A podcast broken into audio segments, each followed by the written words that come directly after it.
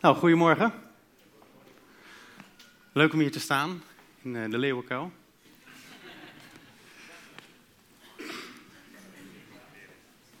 Toen ik nadacht over uh, deze preek, uh, dan denk je na van nou, waar zul je het over hebben? Het onderwerp waar ik vandaag graag bij stil wil staan met jullie is groeien in vertrouwen op God.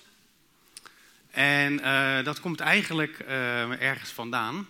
Um, we hebben nu het DVD-boekje uh, Opofferen Dienen. Daarvoor hadden we Vrijgevig Leven. En in die serie heeft Bram een keertje gesproken over het feit dat uh, als je vrijgevig wil leven, dat je dan eigenlijk uh, leeft in vertrouwen op God.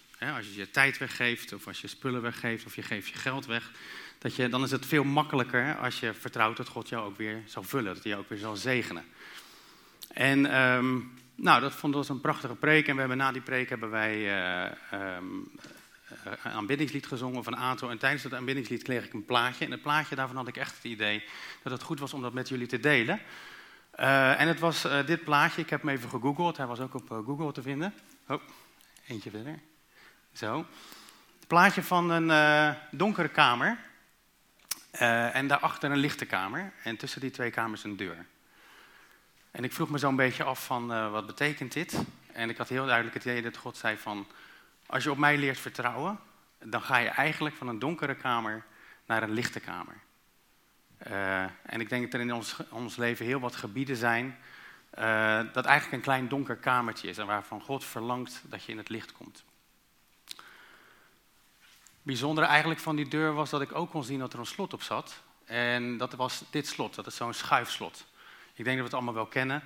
Dat is zo'n slot, dat, uh, dat heb je op je tuinhekje of zo. Dat kan Iedereen kan dat slot openmaken. Het is heel eenvoudig. Je hebt geen uh, moeilijke sleutel nodig of cijfercode of wat dan ook. En ik zag ook dat het slot aan deze kant van de deur zat, dus de kant van de donkere kamer. En ik denk eigenlijk dat de Heer daarmee zei van, als je op mij wil leren vertrouwen, uh, dan is dat uh, niet moeilijk. Het is een eenvoudige deur eigenlijk die je door kunt gaan als je wilt.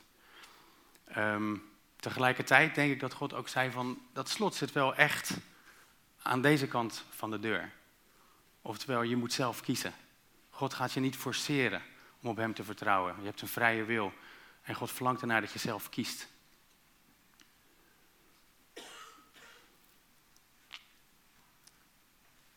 Goed, ik wil eigenlijk een aantal voorbeelden noemen, want dit principe van op God vertrouwen, op God leren vertrouwen, komen in de Bijbel uh, behoorlijk wat keren tegen.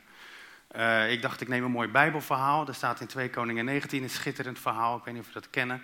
Maar dan zit uh, Hiskia samen met Jezaja in Jeruzalem, die helemaal omsingeld door Assyrië. De koning Sanherib heeft Israël dan aangevallen.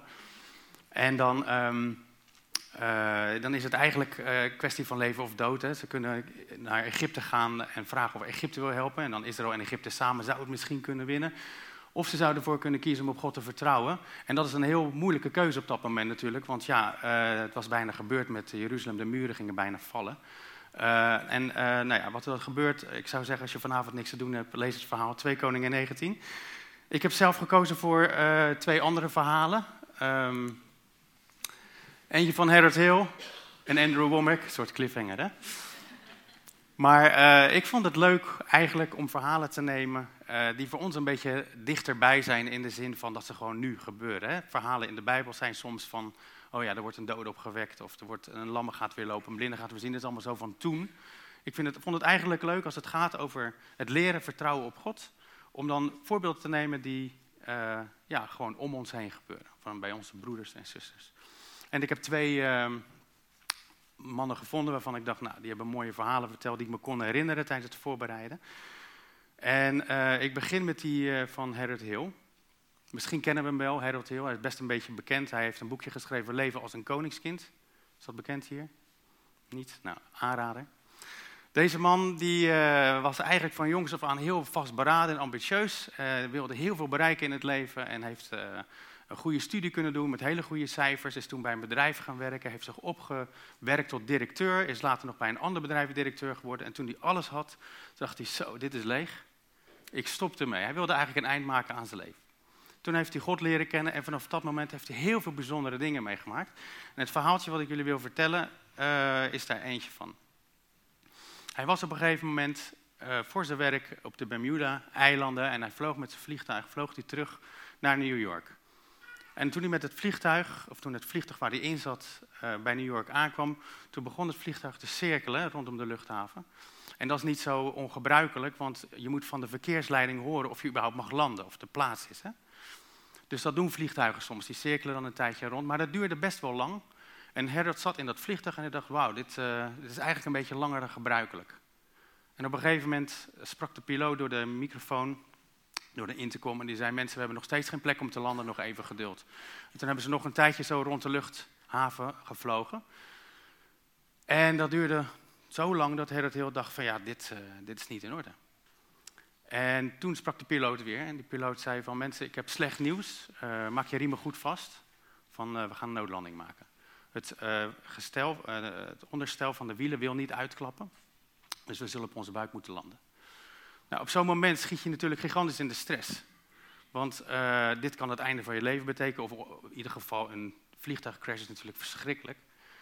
De reactie van Gerrit Hill was ietsje anders. Hij zei, yes, vandaag ga ik naar Jezus. Hele mooie reactie natuurlijk, vol vertrouwen blijkbaar. Maar de Heilige Geest sprak tot hem en die zei, Harold, uh, jij bent gered, maar kijk eens om je heen naar al die mensen, zijn die gered? En toen dacht hij, ah, dat was misschien toch een beetje egoïstisch. Um, dus hij vroeg eigenlijk, zeg, heer, wat, wat, uh, wat is er aan de hand? En toen gaf de Heere God gaf hem een plaatje. En dat, in dat plaatje kon hij gewoon het onderstel van het, van vliegtuig zien. En hij zag dat de pompen, die de wielen naar beneden zouden moeten drukken, dat die lek waren. En dat er geen olie meer in de, in de pompen zat. Dus nou, um, goed om te weten dat dat een probleem is, maar goed, dan ben je het nog niet. Um, dus hij zei, Lord, fix it. Heer, uh, los het op. En toen zag hij weer een plaatje en in dat plaatje zag hij dat er weer olie kwam in die pompen en dat de wielen weer uitgingen. Dus uh, nou, super. Het vliegtuig is geland. Uh, het vliegtuig is goed geland. Niks aan de hand.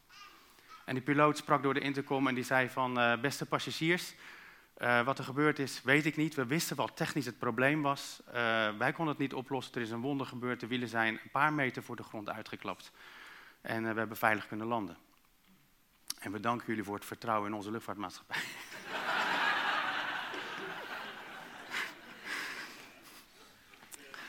Het bijzondere van dit verhaal vind ik, dat eh, toen ik dat boekje las, eh, dit verhaal voor het eerst las, een hele tijd geleden eigenlijk al, toen dacht ik van, uh, wauw, God doet wonderen, hè? dit soort dingen kunnen gebeuren en zo.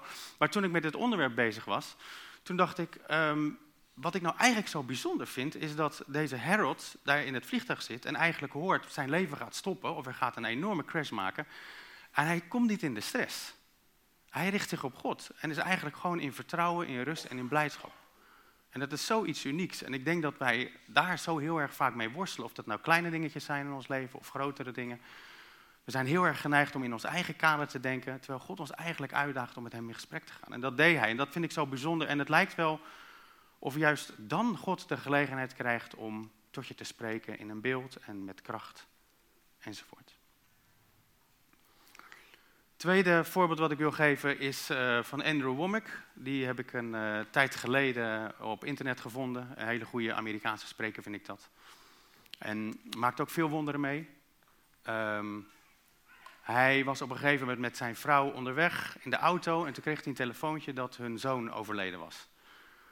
En hij zei, als hij dat zo vertelt in een van zijn toespraken, hij vertelde dat hij, toen hij dat hoorde, een enorme zuigende werking ervaarde van verdriet en van boosheid en van, zeg maar, de normale natuurlijke reactie. En dat wilde hij niet toestaan.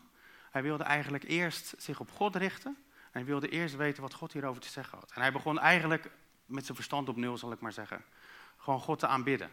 Heere God, u bent niet een God van dood, u bent een God van leven. U bent niet een God die wil dat kinderen komen te overlijden, u wil dat ze leven, u bent een liefhebbende vader, u leidt ons, u bent bij ons, enzovoort. En terwijl hij zo bezig was, kreeg hij op een gegeven moment een herinnering aan een profetie die zijn zoon ooit gekregen had. En die profetie was nog niet uitgekomen. En toen dacht hij, yes, die profetie moet uitkomen, dus er moet wel op een of andere manier nog iets gaan gebeuren hier. En hij heeft, uh, is gewoon doorgaan aanbidden en danken.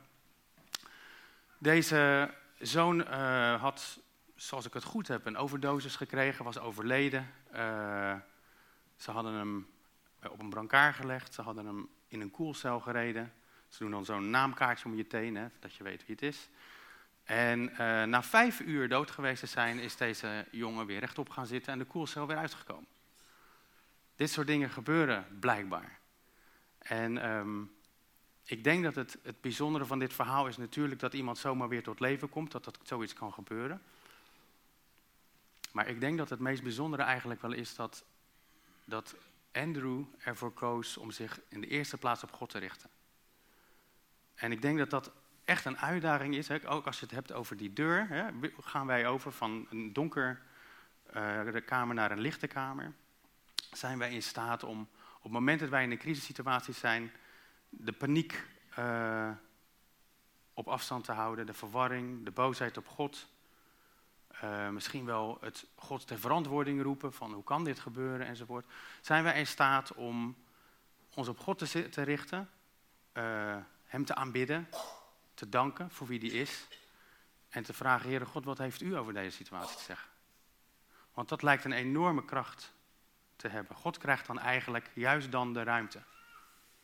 En er is natuurlijk heel veel waar we ons aan vast kunnen grijpen. Er is heel veel wat we uh, kunnen verliezen als we in een crisissituatie komen aan waarheid. Maar God is een God die van je houdt. Dat lezen we in Romeinen 5, in Hebreeën 13. God is een God die altijd bij je is. Hij is een God die je nooit zal verlaten. Hij is uh, iemand die in jouw leven alles doet meewerken ten goede. Uh, Jeremia 29 heeft je geluk voor ogen. Hij heeft een hoopvolle toekomst voor je. En in Johannes 4 staat dat volmaakte liefde angst uitdrijft. Eigenlijk verlangt hij voor ons een leven waarbij angst geen plaats meer heeft. Omdat we zijn liefde kennen en zijn liefde ervaren. Dus de vraag eigenlijk is, als je zo'n situatie komt, word je bitter? Of kan deze situatie jou beter maken? Bitter of beter?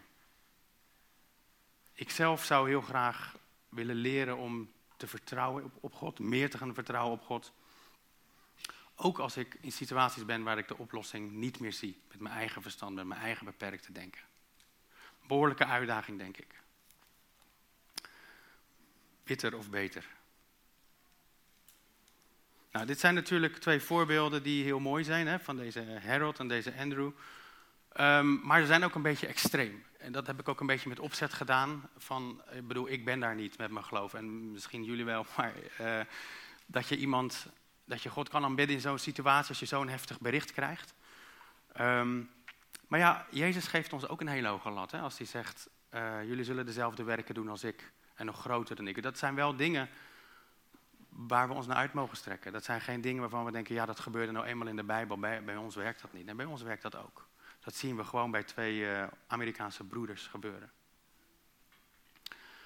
Tegelijkertijd weet ik dat uh, wij daar dus wel kunnen komen.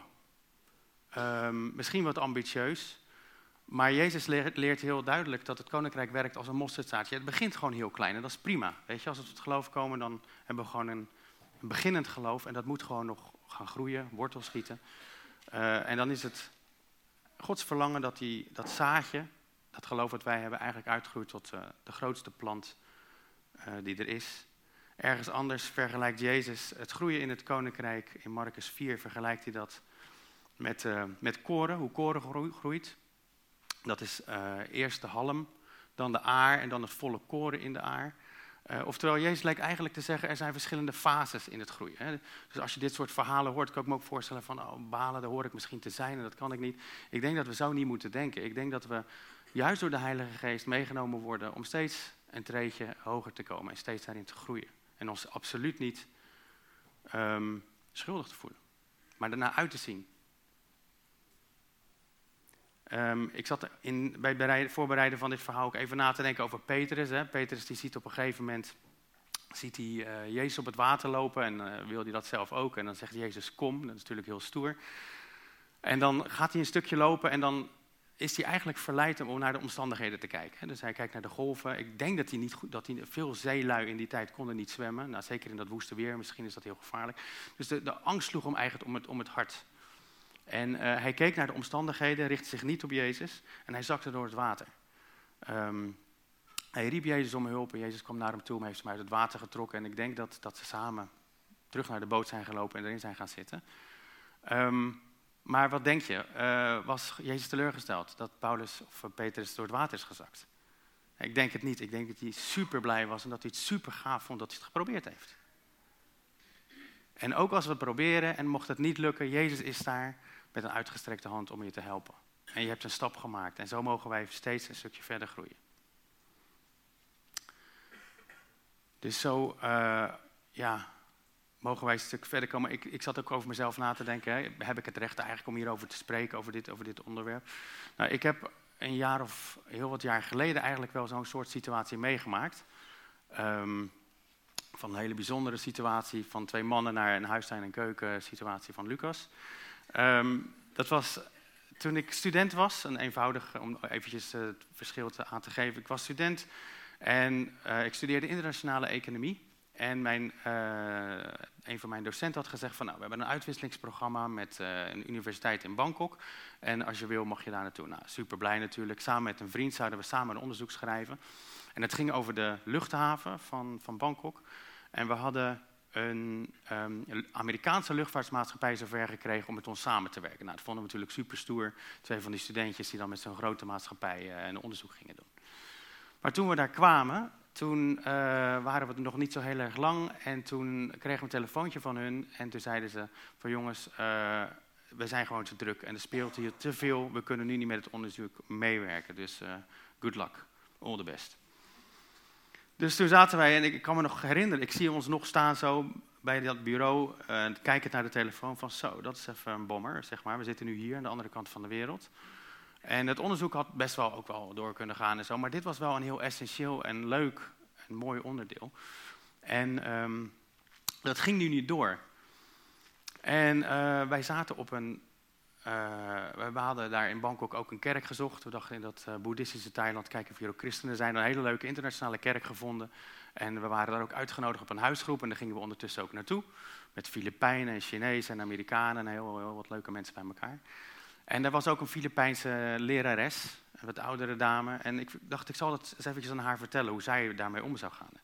En ik zeg van, joh, we hadden een case-studie, een hele belangrijke samenwerking met de Amerikaanse luchtvaartmaatschappij. En dat gaat nog niet door. Ons onderzoek valt eigenlijk een beetje in het water. Dus zei ze, Lucas, je kunt op zo'n moment eigenlijk uh, twee dingen doen. Je kunt rouwen, je kunt het vervelend vinden, je kunt het naar vinden dat zoiets gebeurt. Dat is heel natuurlijk, dat geeft niks. Maar je kunt ook God danken en beseffen dat hij jou ziet en jou kent en een plan met jouw leven heeft. En alles doet meewerken ten goede. Um, en toen dacht ik, oké, en uh, toen het eind van de avond toen ik naar huis ging, dacht ik, dit vind ik heel raar om te doen. Ik vind het heel raar als, je in een, als het heel natuurlijk gewoon misgaat, om dan God te gaan danken. Ik vond dat zoiets onnatuurlijks eigenlijk. En ook uh, zo'n nieuwe samenwerking opzetten met een andere luchtvaartmaatschappij was gewoon, dat is gewoon heel werk. Dat moet gewoon door een commissie en voordat je goedkeuring hebt en alles. En wij zaten al daar, dus de kans dat dat niet goed zou komen was gewoon heel groot. Dus ik, vond het, ik zag niet zo hoe God dit op zou kunnen lossen. En ik wist ook niet of hij met dit soort details bezig zou zijn. Dus ik zat er een beetje mee in mijn maag. Maar ik heb wel een beetje mezelf geforceerd. Ik heb eigenlijk gezegd, uh, Joy, zo heette ze, je hebt gelijk. Dus ik ben ook God gewoon gaan danken voor al het goede. Voor wie hij is, dat hij voor ons zorgt, noem alles maar op. En dat hij dit allemaal ten goede kan keren. En een aantal dagen later zaten wij weer in ons kantoortje. En toen zei ik tegen die vriend van mij... Ik zeg, joh, uh, moeten wij niet de KLM bellen? Hè? Die zit hier ook. En dat is Nederlandse luchtvaartmaatschappij. Is eigenlijk wel net zo leuk. Ze dachten, nou, we kunnen het altijd proberen. Dus we hebben ze gewoon een beetje eh, met de stoute schoenen aangebeld. Zeg van, nou, we zijn met onderzoek bezig, zouden we het uit kunnen leggen, zouden we langs kunnen komen. En deze man was eigenlijk aan de telefoon direct enthousiast. En hij nodigde ons uit om, om langs te komen. En toen zijn wij langs gegaan en tijdens uh, dat praten met hem ervaarde ik eigenlijk iets van, het lijkt wel of hier allerlei deuren openstaan. Het gaat me te makkelijk of zo. Alsof ik gewoon in een zeilbootje zit en ik heb in één keer de wind in de zeilen. Deze man was hartstikke enthousiast en hij wilde heel graag dat onderzoek met ons doen. Dus ik dacht, nou super, Nederlandse luchtvaartmaatschappij, veel leuker. En toen zei hij, eh, jongens, uh, er is een uh, regionaal directeur over heel Zuidoost-Azië. Die zit in Singapore, maar die is hier vandaag. Vind je het leuk als we hem er ook bij roepen? Nou, wij vonden dat leuk. Dus hij is erbij gekomen en hij een Nederlandse man en was ook hartstikke enthousiast. En hij zegt, jongens, dit soort, jongens, dit soort onderzoek dat moet je niet in Bangkok doen. Dan, jullie moeten naar Singapore komen, dan moeten jullie daar uitvoeren. Nou, Nou, dat vonden we natuurlijk fantastisch. Dus we zijn in de trein gestapt, uh, nog een pitstop gemaakt in Maleisië, aan het strand gezeten en naar uh, Singapore gegaan. En we hebben daar een heel goed onderzoek kunnen doen. Uh, we zijn daar ook naar een kerk geweest. Daar hebben we allerlei mensen leren kennen. We waren er maar een weekend of zo, maar ze hebben ons gelijk meegenomen. Een stuk van Singapore laten zien, mee uit eten genomen. En het onderzoek is heel goed geworden en we zijn uh, afgestudeerd met een 8. Dus dan dacht ik van, wat gebeurt hier nou eigenlijk, hè?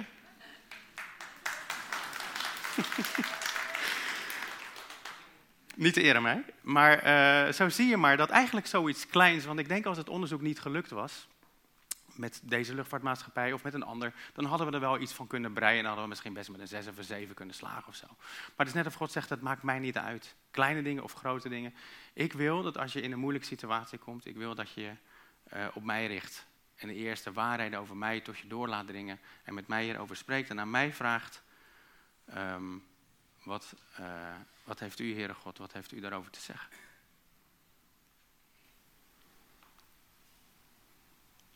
Nou moet ik denk ik ook nog eventjes een uh, nuance maken, want uh, dit klinkt natuurlijk allemaal een beetje heel erg positief. Hè? Het klinkt allemaal een beetje, een beetje happy. Um, er zijn natuurlijk ook moeilijke situaties waarbij uh, de dingen die in ons leven gebeuren, de dingen die je overkomen, waar je geen geloof voor hebt. En het is gewoon heel akelig. En ik denk dat dat, hè, dat, dat niet erg is dat je op dat moment het geloof niet hebt, zoals die twee kampioenen van het verhaaltje wat ik net verteld heb, van die twee verhaaltjes die ik net verteld heb. Maar ik denk dat we, zeg hem, ook in die situaties uitgenodigd worden om um, naar God te gaan.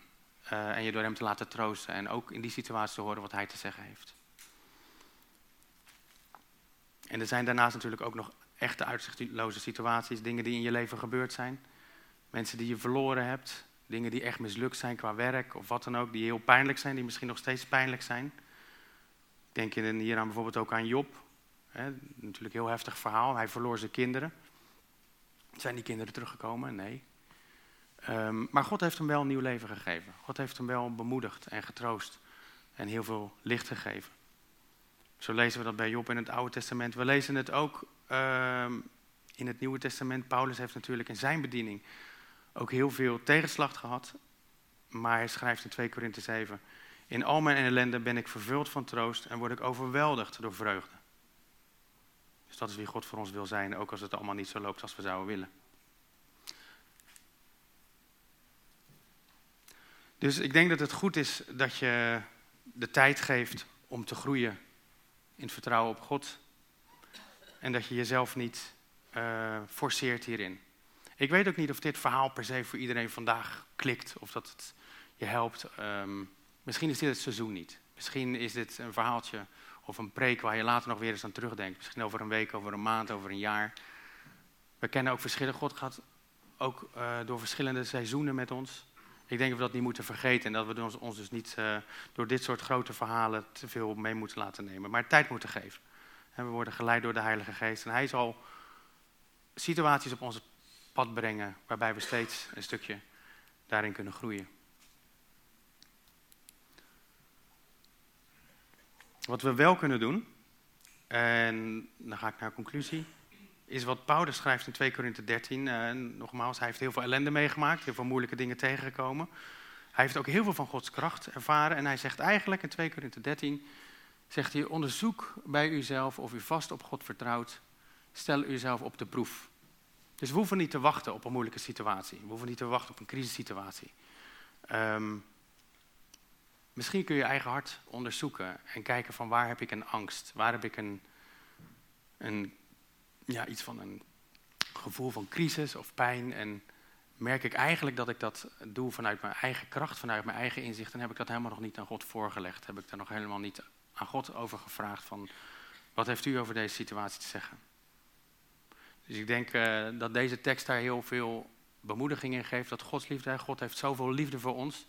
Volmaakte liefde staat er, de liefde, de volmaakte liefde die laat geen ruimte voor angst in Johannes 4. Ik denk al die angstige plekken in je, in je hart, die wil die aanspreken en oplossen. En dan wil je meenemen van een donkere kamer naar een lichte kamer.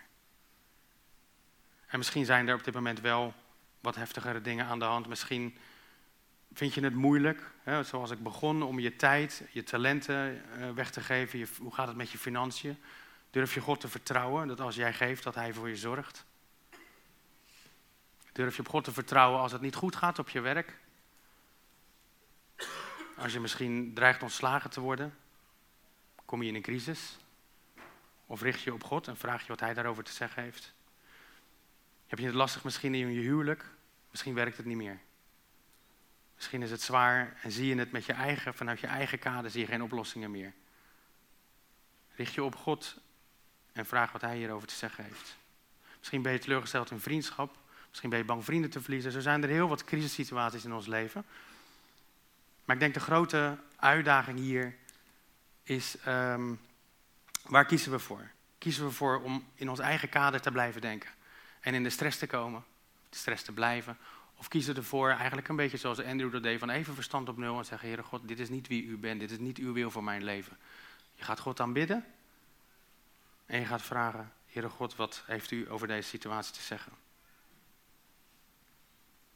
En ik zie er naar uit zelf om hierin te groeien. Want ik merk gewoon dat er heel, heel veel kracht achter zit. Hè, als je God de gelegenheid geeft ten opzichte van de dingen die je in je eigen kracht wil doen. En ik zie er ook naar uit om dit met elkaar te doen. We zijn een familie. En we zijn veel en veel sterker als we dit met elkaar doen.